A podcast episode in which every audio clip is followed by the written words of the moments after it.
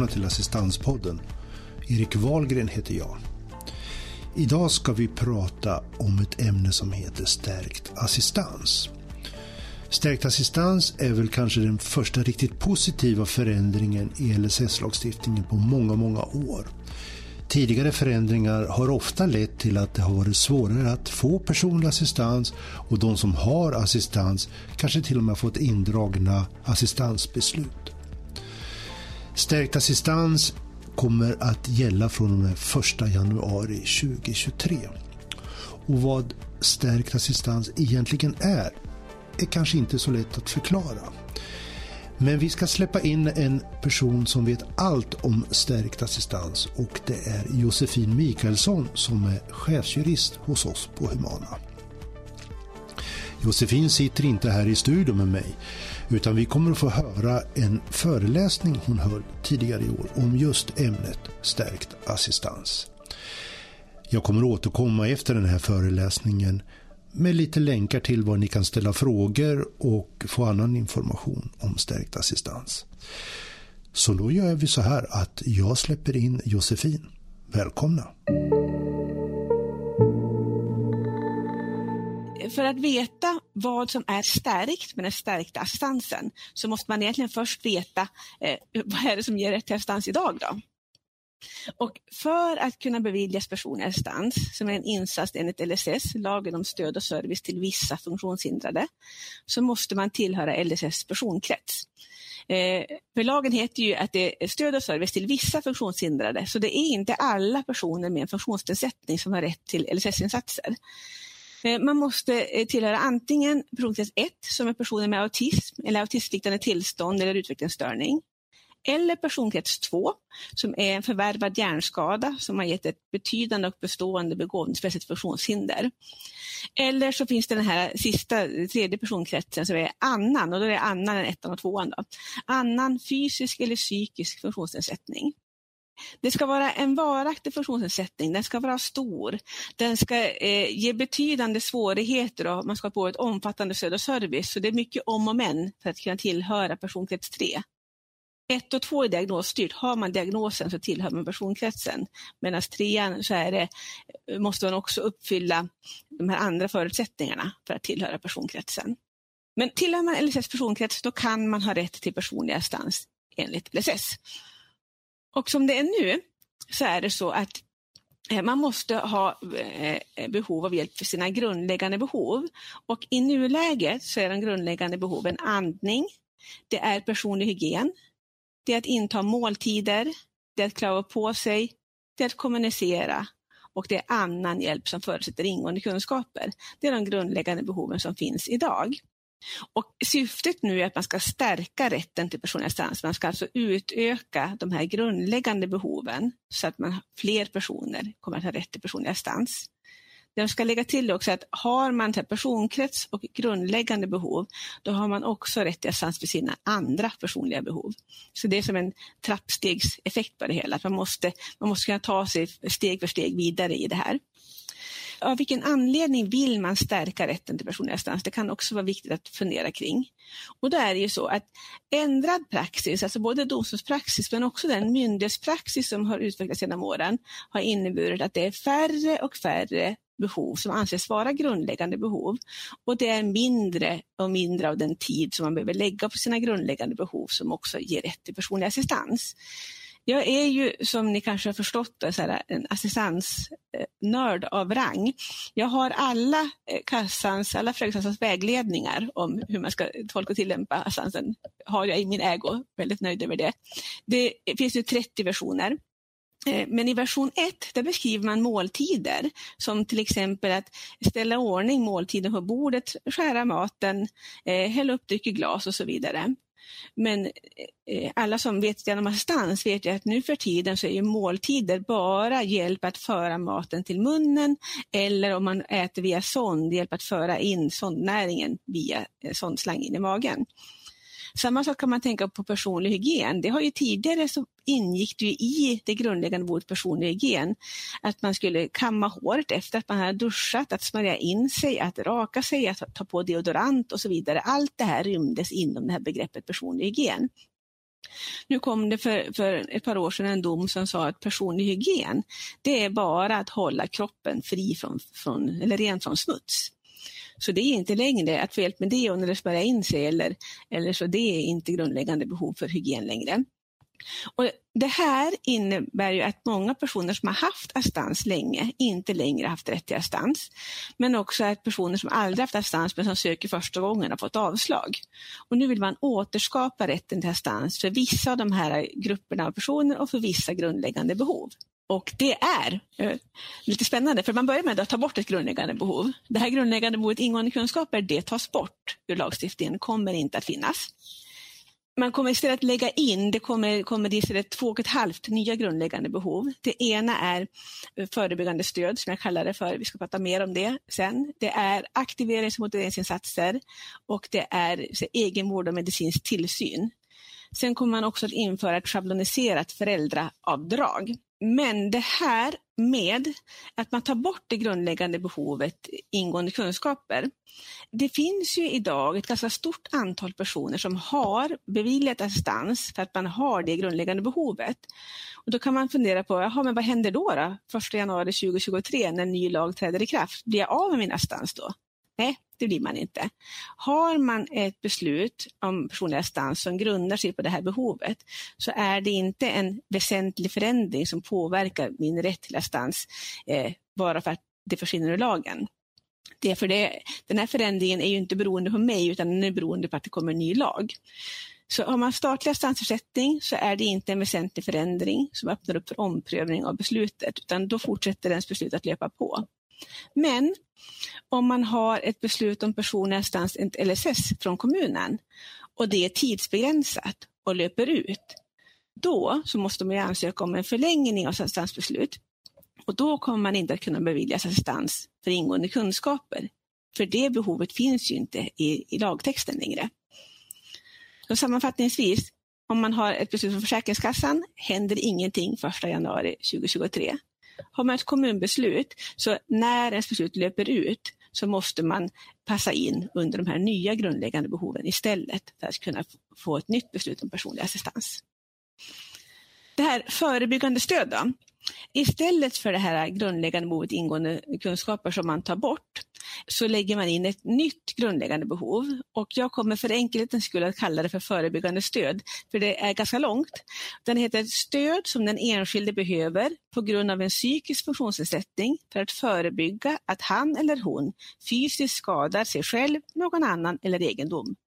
Det, det, blir för långt att säga det varje gång. Så förebyggande stöd, då vet ni att det handlar om det här nya grundläggande behovet. För att det ska vara aktuellt med det här förebyggande stöd så måste man alltså ha en psykisk funktionsnedsättning. Har man enbart en fysisk funktionsnedsättning så kan det här förebyggande stöd aldrig vara aktuellt som ett grundläggande behov. Däremot så skulle det eventuellt kunna finnas som ett annat personligt behov, men som grundläggande behov kan det inte vara. Det här stödet ska också behövas för att förebygga att man skadar sig själv, någon annan eller egendom. Och det finns inget krav på att det här stödet ska vara av någon speciell karaktär. Och det här är, är också ett, ett, innan man stiftar ny lag så har man nästan alltid tillsatt en statlig offentlig utredning. man måste bereda ärendet innan man kan stifta en ny lag. Man måste ta reda på, okej, okay, vad ska vi föreslå? Varför ska vi göra det? Vilka konsekvenser får det? Och då finns den här statliga offentliga utredningen Stärkt rätt till personlig assistans. Och när man läser i den om det här förebyggande stödet så är det väldigt, väldigt vitt och brett. Så det, här, det kan vara många olika typer av förebyggande stöd. Men sen när man kom till den propositionen, alltså det förslag som regeringen la fram, då har man smalnat av det här ganska rejält. Man säger visserligen fortfarande att det, det, eh, det spelar ingen roll vilken karaktär det här stödet har. Man säger att det behövs, behöver inte vara någon särskild karaktär, men eh, det står också att personen, assistenten måste vara i den assistansberättigades omedelbara närhet. Personen måste ha, det måste vara som fys, alltså faktiska episoder där det finns frekventa ingripanden från den personliga assistenten. Och jag tycker att när man lägger in det, då har man faktiskt uttalat sig om vilken typ av karaktär det ska vara på stödet. Det ska vara omedelbar närhet, faktiska episoder och frekventa ingripanden. Och i min värld är det också skillnad på att förebygga att de ska inträffa eller att faktiskt ingripa när någonting väl inträffar. Så. så jag tycker att man i den här propositionen och det som man nu har röstat igenom har lagt mer fokus på att eh, hindra och avvärja när det väl sker än att faktiskt förebygga att det ens ska inträffa. Och jag ser lite risker med det här. Därför att dels så tror jag att, man, att det här stärkta stansen just för förebyggande stöd inte blir så stärkt som man kanske hade hoppats. Eh, men sen ser jag också risken att personer som får assistans med, för förebyggande stöd och får en väl fungerande insats, då innebär det att man förebygger de här faktiska episoderna och inte behöver göra de här frekventa ingripandena lika mycket. Och då kanske man tappar rätten till assistans därför att man har fått ett fungerande stöd. Det andra som man då inför i det hela, det är den här aktiverings och motiveringsinsatser. Och den beskrivs så här kort och koncist. Om den enskilde på grund av en psykisk funktionsnedsättning behöver kvalificerade aktiverings och motiveringsinsatser för att han eller hon själv ska klara av att tillgodose ett grundläggande behov, så ska sådana insatser beaktas som en del av det grundläggande behovet. Hittills så har aktivering och motivering varit en del av grundläggande hjälpbehov om det har krävts ingående kunskaper från eh, den personliga assistenten. Men vi har tagit bort kravet på ingående kunskaper. Så nu är det istället kvar att skada kvalificerade motiverings och aktiveringsinsatser. Så att om man till exempel tänker så här, jag har den fysiska förmågan att tvätta av mig i duschen. Men det kommer inte att ske om inte den personliga assistenten gör något särskilt så att jag själv kan förmås att göra det. Då, då kommer man att räkna in den, den insatsen som assistenten gör också innan man beräknar tiden för det grundläggande behovet. Det här, även här så krävs det att personen har en psykisk funktionsnedsättning. Så igen, har man en fysisk funktionsnedsättning enbart så kommer det inte att vara aktuellt med det här som ett grundläggande behov. Och det ska vara frågan om kvalificerade insatser. Och det är inte helt enkelt att veta vad kvalificerade insatser är. I förarbetena så står det, så här ska vi se, det ska vara något mer än vägledning, påminnelser och instruktioner. Så det ska alltså inte vara den praktiska insatsen och det ska inte heller vara enbart vägledning eller instruktioner eller påminnelse. Och då kan man fundera, men vad är det då? då? Och då står det så här också i förarbetena att assistenten ska vara eh, tvungen att vara i den funktionshindrade personens omedelbara närhet. Ja. Eh, och stödet ska innehålla moment som i det närmaste är att betrakta som praktiska. Det är inte tvärenkelt att veta exakt vad som avses, men jag tänker så här, om man återgår till duschsituationen.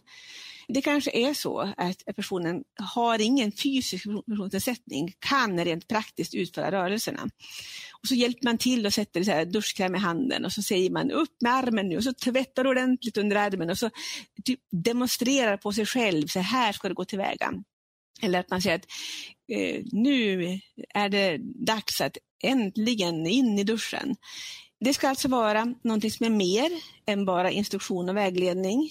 Det ska inte vara praktiskt, men i det närmaste praktiskt. Det är det som är den här aktiverings och motiveringsinsatsen. Josefin, ja. Eh, det kommer en liten fråga här eh, mm. kring det här just. Eh, och då frågar man så här. Även personer med fysisk, fysiska funktionsvariationer behöver ibland aktivering och motivering. Varför finns inte de med i nya lagen? Finns de med någon annanstans? Nej, de finns ju inte med någon annanstans i det hela. Mm. Nej. Utan, för just det här aktiverings och motiveringsinsatser, det är enbart för personer med psykisk funktionsnedsättning. Så alltså, det kan ju fortfarande vara ett övrigt hjälpbehov som man kan ha rätt till assistans för. Men, men det är inte ett grundläggande hjälpbehov som är, om man kommer ihåg den här trappan, ett personkrets, två mm. grundläggande behov. Mm. Och sen, om det finns en grundläggande behov, då kan man också få assistans för de övriga behoven. Om man bara har så här, personkrets och bara övriga behov, då har man fortfarande inte rätt till assistans. För de grundläggande behoven är ett krav. Ja. För den enskilde så är det ju alltid fritt att ansöka. Det är ju myndigheter som ska utreda och göra en bedömning om man tycker att det här faller inom eh, ramen för assistans eller om det faller utanför den enskilda individen behöver ju inte veta i förväg om det här kommer att bifallas eller avslås, utan den som söker en insats kommer ju till handläggaren och beskriver sitt hjälpbehov och sen så är det upp till handläggaren att ställa de frågor och begära in de underlag som behövs för att myndigheten ska kunna utreda och fatta ett korrekt beslut. Och sen om man då inte håller med så är det ju alltid fritt att överklaga det och då, och så, då är det domstolen som gör bedömningen istället. Men om vi hoppar tillbaka här till de här aktiverings och motiveringsinsatserna. Det ska också vara kvalificerade insatser och jag är lite orolig också för det här med kvalificerade. För att hittills har man ju använt begreppet kvalificerat för att begränsa rätten till assistans. Och nu lägger man in begreppet kvalificerat när man ska stärka rätten till assistans. Och jag är lite orolig för att det från myndighetshåll och från domstolshåll att man sitter fast i att, att kvalificeringen är en åtstramande och inte en utvidgande begrepp. Men jag tänker att vi som jobbar för att fler ska få assistans för, för mer saker, vi som tycker att assistans är en sån toppeninsats som många fler borde ha, vi får argumentera för att syftet med att införa det här kvalificerade aktiveringsinsatser är att vi ska utöka rätten till assistans och att det är i det skedet man ska se på det här begreppet nu. Men vi får väl se hur det blir med det. Man kommer också att kunna beviljas assistans för medicinska tillstånd som, som ett grundläggande hjälpbehov. Och det här uttrycker man så här.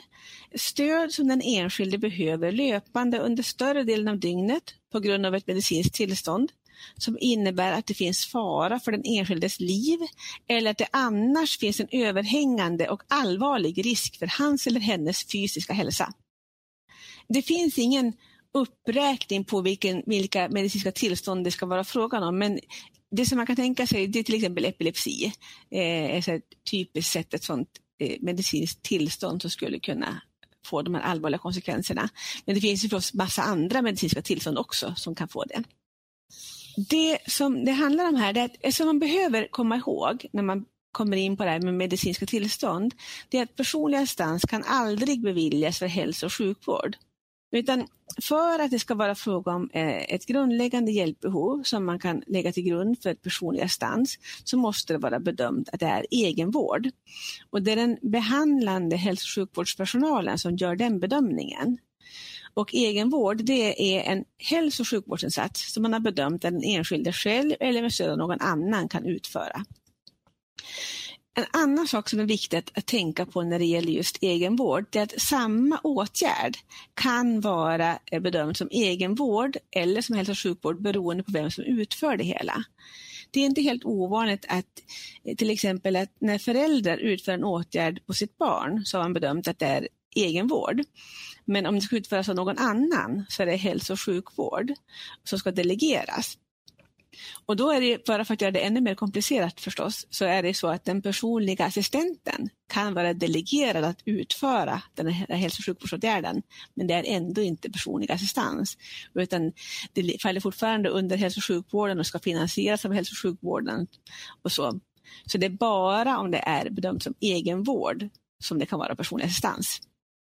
Och sen då, för att det ska vara grundläggande behov så är det här ett behov som ska föreligga under stora delar av dygnet. I förarbetena säger man att det måste vara mer än 12 timmar per dygn. Så det får inte vara fråga om så här förutsebara punktinsatser. Det kan inte vara ett grundläggande hjälpbehov. Det kan vara ett annat personligt hjälpbehov, men det kan inte vara grundläggande. Ett kontinuerligt behov som pågår under mer än 12 timmar per dygn och är bedömt som egenvård då är vi fortfarande inne på att det kan är ett grundläggande hjälpbehov för personlig assistans. Det kan vara fråga om vissa rent praktiska åtgärder, men det kan också vara uppsikt, det vill säga tillsyn, som det är frågan om. Och även här så är det så att personen måste vara i omedelbar närhet. Det är inte tillräckligt att man är i ett angränsande rum och kan höra vad som händer, det är samma rum som gäller. Och sen är det att det ska vara fara för den enskildes liv om stödet uteblir. Men sen är det också som man skriver in här att det annars finns en allvarlig risk för personens hälsa. Och här, här tycker jag att det ska bli intressant att se vad det är man kommer att bedöma som en allvarlig risk för personens hälsa. För att det är ju ganska lätt ändå att avgöra, det här blir livsfarligt eller det blir inte livsfarligt om det här stödet uteblir. Men när är det Eh, allvarlig fara för hälsan? Det här resonemanget har man även kring andning som grundläggande behov. Och andning som grundläggande behov har vi haft ett antal år nu. Och jag har inte sett något beslut eller någon dom där man säger att äh, det är inte livsfarligt, men det är allvarlig fara för hälsan och därför är det också ett grundläggande behov. Så att jag vet inte vad det här kommer att vara. Och jag tänker att vi, vi får helt enkelt pröva. Att vi får hjälpa personer att ansöka om det här, se efter vad myndigheten svarar, om det är kommunen eller kassan. Och om det blir ett avslag, pröva det rättsligt för att se vart, vart kommer den här gränsen för eh, fara för hälsan att ligga. Det kan hända att det, eh, jag som bara tycker att det skulle bli så spännande, men, men jag tycker det här är, det är så intressant tycker jag att se hur rätten till personlig assistans har förändrats över tid. Och Speciellt så blir det, eh, tycker jag, intressant när man ska försöka dra gränsen gentemot hälso och sjukvård. Därför att personlig assistans är en stöd och serviceåtgärd, inte en vård och behandlingsåtgärd. Så man måste hålla isär de olika sakerna, vad som är syftet med det hela. Så det ska bli intressant också att se vart det tar vägen. Men det här är de här nya grundläggande behoven som kommer att gälla från 1 januari 2023. Och man kan inte ansöka om det här tidigare, utan man kan inte ansöka innan lagen finns, finns på plats. Men det är klart man kan förbereda sig innan genom att man kommer att be, behöva ha intyg från läkare, kanske intyg från, från annan medicinsk eh, personal också, för att kunna visa att de här behoven föreligger. Och det kan man förstås förbereda innan, då behöver man inte vänta till nyårsdagen med att ta kontakt med, med sin behandlande läkare eller vem det nu kan vara som ska eh, skriva intyg för en ansökan. Sen har vi något annat som kommer att införas och det är ett schabloniserat föräldraavdrag. Hittills så säger man att man beviljar inte personlig assistans för sånt som ingår i normalt föräldraansvar. Vad det nu är för någonting. Det här eh, har varit svårt att definiera. För vad är det man ska säga är det som alla föräldrar gör och vad är det som beror på ett barns funktionsnedsättning? De här bedömningarna de har sett olika ut, både mellan olika handläggare men också vart man bor i landet och mellan eh, kassan och kommunen har också bedömt det här olika. Och man har ofta upplevt det här som ganska så här, godtyckligt med hur bedömningen görs. Nu går man ifrån den här bedömningen av vad som är normalt eller inte och lägger bara en schablon istället. Att vi gör alltid avdrag med den här tidsmängden för barn i den här åldern. Det blir kanske inte alltid helt rättvist, men det kommer åtminstone bli väldigt lika mellan alla barn beroende på vem det är man bedömer för. Hur stort avdraget ska vara, det ska läggas fram i en förordning och den, den finns inte än. Men i förarbetena så finns det förslag till vilka avdrag som ska göras. Men vi får helt enkelt se vad som man, först man kommer att landa i tidsmässigt i avdragen. Det som är viktigt att känna till är att man ska aldrig göra något som helst avdrag när det handlar om andning, sondmatning eller medicinska tillstånd, de grundläggande behoven. Där så har man oavsett hur litet eller stort barnet är, så gör man inget föräldraavdrag för de behoven. Sen så är det också bra att känna till att man gör inget avdrag för grundläggande behov efter att barnet har fyllt 12 år och man gör inget avdrag för andra personliga behov från och med den månad då barnet fyller 18 år. Jag kan personligen tycka att man gör avdrag för högst upp i åldrarna. För rent krast, vem hjälper praktiskt sin tioåring med att inta måltider eller att klä av och på sig eh, eller sköta sin personliga hygien? Det sköter ju, det sköter ju även eh, så små barn själv eh, utan att föräldrarna rent faktiskt praktiskt är där och utför det hela. Samma sak att vem hjälper sin 14-åring med att ta av på ytterkläder eller med förflyttningar och så vidare. Så jag tycker att det är Även med det här schabloniserade föräldraavdraget så lägger man stort ansvar på föräldrar till barn med funktionsnedsättning i alla fall. Och jag tycker att man ska vara mer rädd om föräldrar för vi, vi är överlag i samhället så oerhört beroende av att föräldrar till barn med funktionsnedsättning orkar och håller. För det är vi som står här och fångar upp i alla fall när, när det fallerar och glappar i, i olika eh, sammanhang. Så att ja, jag hade gärna sett ett mindre avdrag för, föräldrar, alltså för, för föräldraansvar även fortsättningsvis. Men det här är, eh, det kommer att bli lite lättare, lite mer förutsägbart i alla fall med en schablon.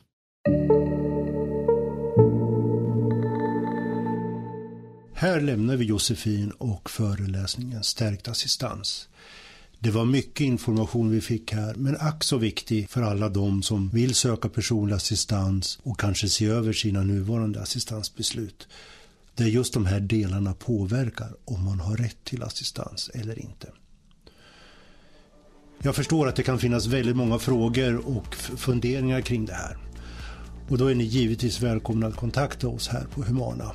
Och det gör ni lättast genom att antingen ringa oss på Humana assistansrådgivning som har telefonnummer 020 70 80 87. 020 70 80 87 så kommer vi att hjälpa till så gott vi kan. Och så kan ni givetvis mejla till oss och då blir det assistansradgivning humana.se assistansradgivning humana.se och med det här så vill vi tacka för den här gången och jag hoppas att vi hörs längre fram. Ha det så bra. Hej!